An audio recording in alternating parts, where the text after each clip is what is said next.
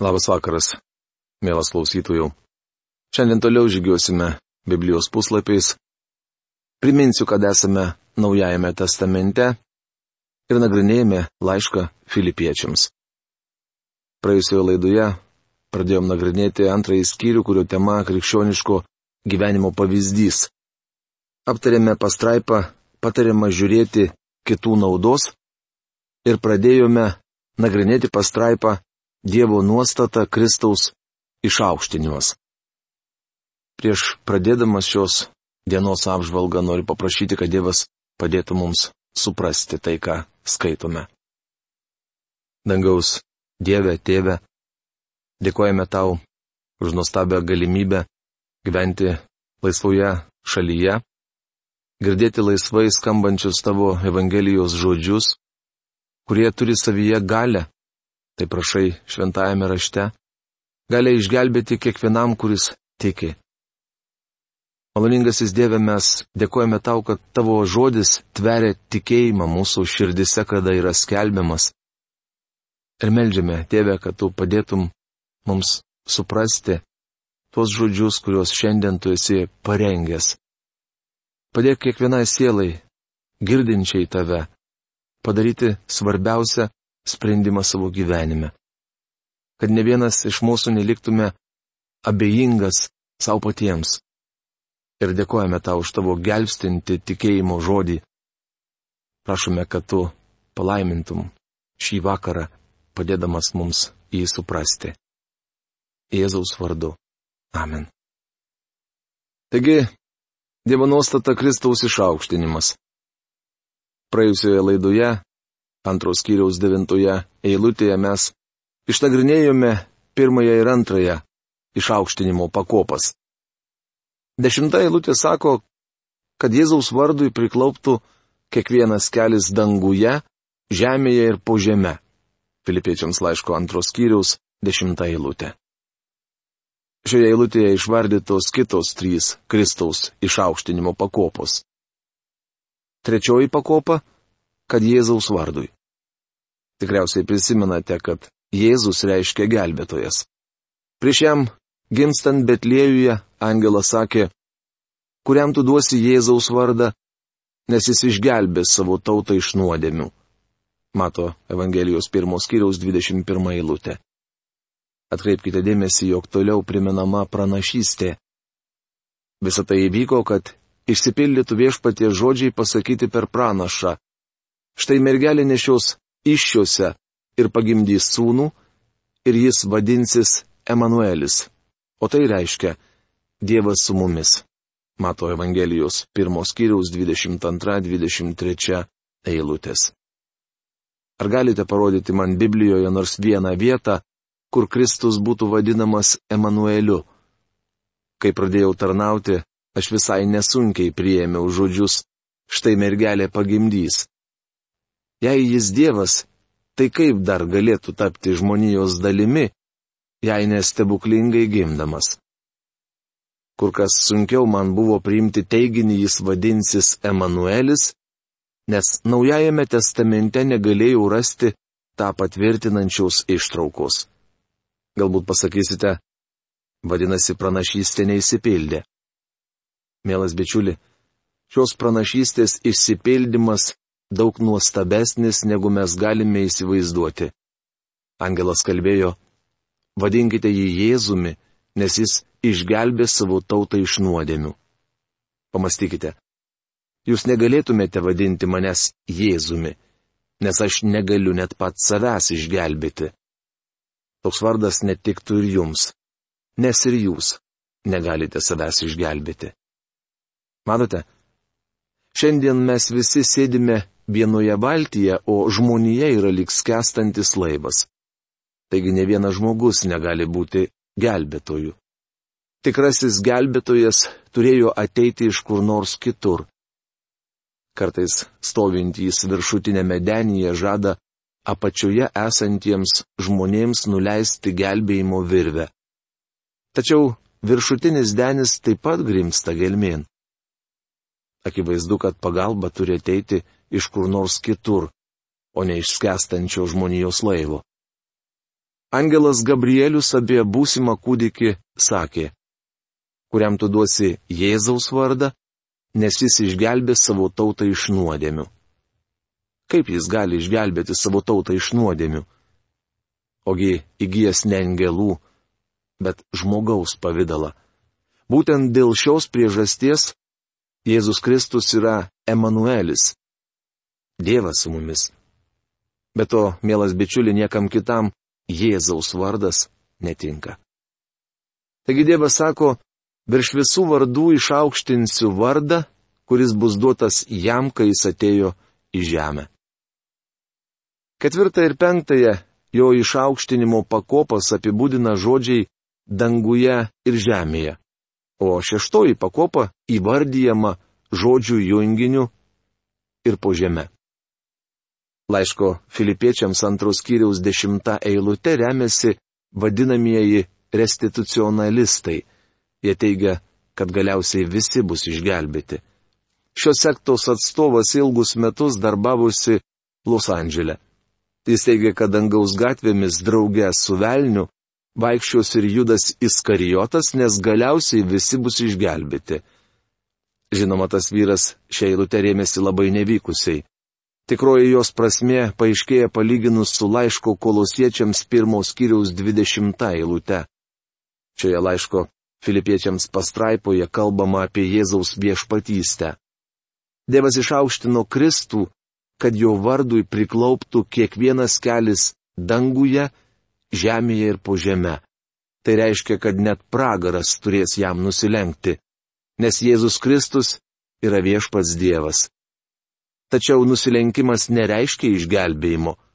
Laiško kolosiečiams pirmos kiriaus 20 eilutėje kalbama ne apie viešpatystę, bet apie Kristaus sutaikinamąjį ir atperkamąjį darbą. O kas buvo sutaikinta ir atpirkta? Ar Paulius kalba ir apie esančiųjų pragarę atpirkimą? Deja, minėtoje laiško kulasiečiams eilutėje nepaminėta tai, kas yra po žeme. Kodėl? Todėl, kad šioje eilutėje kalbama apie atpirkimą, o pragarė atpirkimo nėra. Palyginus abi šias eilutes tampa aišku, kad esantieji pragare nusilenks Jėzui tik pripažindami jo viešpatystę. Kad Jėzaus vardui priklauptų kiekvienas kelias - danguje, žemėje ir po žemę.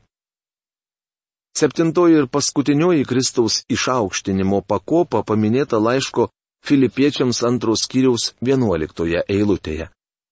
Ir kiekvienos lūpos Dievo tėvo šloviai išpažintų, Jėzus Kristus yra viešpats Filipiečiams laiško antros kiriaus vienuolikta eilutė. Kiekvienos lūpos išpažins, kad Jėzus Kristus yra viešpats. Tai nereiškia, kad kiekvienos lūpos išpažins jį kaip gelbėtoje. Įdomu, kad net esantys pragare turės pripažinti Jėzaus viešpatystę. Manau, kad tai dar labiau padidins jų skausmus norėčiau jūs įspėti. Neskubėkite vadinti Jėzaus savo viešpačiu, jei taip nėra. Jėzus Kristus yra sakęs, jog daugelis kreipsis į jį. Viešpatė, viešpatė. Ir net darys jo vardus stebuklus. Evangelijoje pagal Mata 7 skyriaus 21-23 eilutėse parašyta, kad jis atstums juos sakydamas, aš niekuomet jūsų nepažinojau. Mano draugė, prieš vadindami jį viešpačiu, įsitikinkite, ar jis yra jūsų gelbėtojas. Jei taip, tuomet galite paklusti jam kaip savo viešpačiui. Bažnyčios susirinkimuose dažnai gėdama Jėzus draugas amžinasis. Taip, jis mūsų draugas. Tačiau paklausykite Jėzaus žodžių. Jūs būsite mano draugai, jei darysite, ką jums įsakau. Tai prašoma Jono Evangelijos 15 skyriaus 14 eilutėje. Mes galime vadinti Jėzų savo draugu, jei vykdome jo įsakymus. Jei jam nepaklūstame, reiškia jis nėra mūsų viešpats. Pauliaus nuostata - tai kas Kristaus. Kalbėdamas apie Kristaus nusistatymą, bandžiau paaiškinti, kad jo pamėgdžioti neįmanoma. Apaštalas Paulius rašo filipiečiams būkite tokio nusistatymo kaip Kristus Jėzus. O toks nusistatymas, kaip jau kalbėjome, gali būti tik suteiktas. Tai Dievo dvasios darbas, subrandinantis mūsų gyvenime romumo ir nuolankumo vaisių. Dabar pamatysime, kaip pirmieji krikščionys laikėsi Kristaus nusistatymo kasdienėme gyvenime. Laiškė filipiečiams paminėti tik trys gražūs pavyzdžiai. Tačiau manau, kad tokių žmonių buvo daugybė. Taigi pagoniškoje imperijoje Kristaus nusistatymo visų pirma laikėsi šio laiško autorius Paulius. Kiti du žmonės, apie kuriuos kalbama laiške filipiečiams, yra Pauliaus pagalbininkas Timotiejus ir Filipų bažnyčios pastorius Epafroditas. Taigi mano mylimieji, kaip visuomet klausydavote manęs, kai būdavau tarp jūsų, o dar labiau dabar, man su jumis nesant, taip darbuokite savo išganimui su baime ir drebėdami. Filipiečiams laiško antros skyrius 12 eilutė. Manau, kad žodis išganimas šioje eilutėje vartojamas bendraja prasme. Apaštalas Paulius kalba apie tai, kad tikintieji turi spręsti problemas, iškylančias bažnyčioje ir asmeninėme gyvenime. Jis pats negali atvykti į Filipus ir jiems padėti. Bet to Paulius abejoja, ar iš viso kada nors pas juos dar kartą atvyks, nes yra įkalintas Romos kalėjime. Taigi jis ragina filipiečius darbuotis savo išganimui su baime ir drebėjimu. Profesorius Algirdas Jurienas šios eilutės pabaigą verčia taip. Vykdykite savo išganimą. Toliau paštalas Paulius rašo. Nes Dievas iš savo palankumo skatina jūs ir trokšti, ir veikti. Filipiečiams laiško antros kiriaus 13 eilutė. Jei esate išgelbėtas, Dievas išgelbėjo jūs tikėjimu, tai yra be jokių papildomų sąlygų. Jis nepriema jokių gerų darbų, kaip užmokesčio už išgelbėjimą. Tačiau išgelbėjęs, Dievas prabyla apie gerus darbus. Suteikęs išganimą jis jį ir įvykdo. Kalvinas šią mintį išreiškė taip. Gelbsti vien tikėjimas, tačiau gelbstintis tikėjimas nelieka vienišas. Apaštalas Jokūbas rašo, taip pat ir tikėjimas, jei neturi darbų, jis savyje miręs. Priešingai kitas pasakys, tu turi tikėjimą, o aš turiu darbus. Parodyk man be darbų savo tikėjimą, o aš tau darbais parodysiu savo tikėjimą, tai prašoma Jokūbo laiško antros skyrius 17-18 eilutėse. Tik Dievas mato širdis ir žino tikrąją mūsų būklę. Dievo žino, ar jūs ir aš turime gelbstinti tikėjimą. Tačiau artimieji negali pamatyti jūsų tikėjimo, bet tik tikėjimo darbus. Tikras tikėjimas virs darbais, kad aplinkiniai suvoktų jūs esant krikščionį. Taigi Paulius rašo apie Filipų tikinčiųjų tikėjimą. Visą darykite be murmėjimų ir sviravimų. Filipiečiams laiško antros kiriaus 14 eilutė. Niekada nepradėkite tarnauti bažnyčioje ar sekmadieninėje mokykloje, jei negalite to daryti nebambėdami. Krikščioniškam darbui tai kenkia labiau negu bet kas kita. Visą darykite be murmėjimų ir sviravimų. Kad būtumėte nepeiktini ir nekalti, nesutepti dievų vaikai sugedusioje ir iškrypusioje kartoje, kur jūs spindite tarsi žiburiai pasaulyje. Filipiečiams laiško antros skyriaus 15 eilutė. Būkite šviesa panašiai į vėlai vakare danguje mirgančias žvaigždės. Vaikai dažnai gėda. Esu maža švieselė. Būtent taip ir yra bičiuli. Žvelgdamas žemyn šį tamsų pasaulį Dievas savuosius mato tarsi mažas švieseles. Apaštalas Paulius rašo filipiečiams, kur jūs spindite tarsi žiburiai pasaulyje. Mes panašus į danguje žėrinčias žvaigždės. Tvirtai laikykitės gyvenimo žodžio, kad Kristaus dieną galėčiau pasigirti neveltui bėgęs ir neveltui vargęs. Filipiečiams laiško antros skyriaus 16 eilutė gyvenimas ir šviesa susiję. kai skelbėme gyvybės žodžius, esame šviesa pasauliui. Paulius džiugauja girdėdamas, kad filipiečiai parodo savo tikėjimą gerais darbais. Šie krikščionys buvo labai artimi Pauliui, nes per jį įtikėjo. O jei turės būti pralietas mano kraujas, kaip jūsų tikėjimo auka ir atnaša Dievui, aš džiaugiuosi ir esu linksmas kartu su jumis visais. Filipiečiams laiško antros skyriaus 17 eilutė. Tai viena iš nuostabiausių eilučių visame Dievo žodyje. Joje rašoma, koks iš tikrųjų turėtų būti krikščioniškas gyvenimas. Apaštalas užsimena apie vieną iš ankstyviausiųjų Senojo testamento aukų.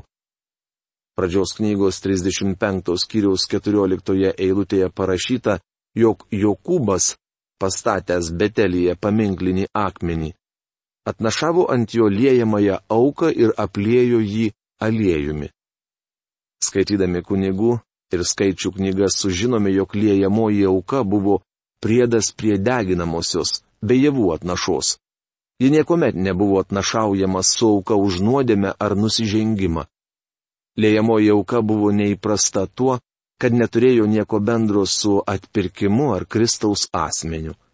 Izraelitai atsineždavo pilną vynmaišį vyno ir paprasčiausiai išliedavo jį ant degančios atnašos. Kas atsitikdavo tam vynui? Jis virsdavo garais ir pakildavo į dangų. Paulius sako, aš noriu, kad mano gyvenimas būtų išlietas kaip liejamoji atnaša ant Kristaus aukos. Apaštalas žinojo, jog viešpaties Jėzaus Kristaus auka buvo visų svarbiausia.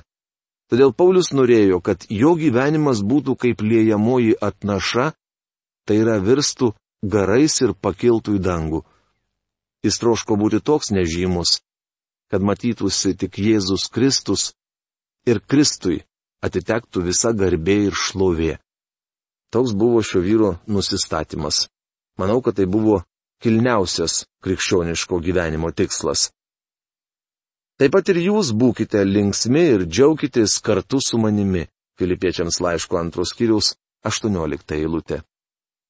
Kitaip tariant, apaštalas Paulius rašo filipiečiams, jei jūsų gyvenimas daro garbę Evangelijai, manasis tik išliejamas kaip liejamoji atnaša.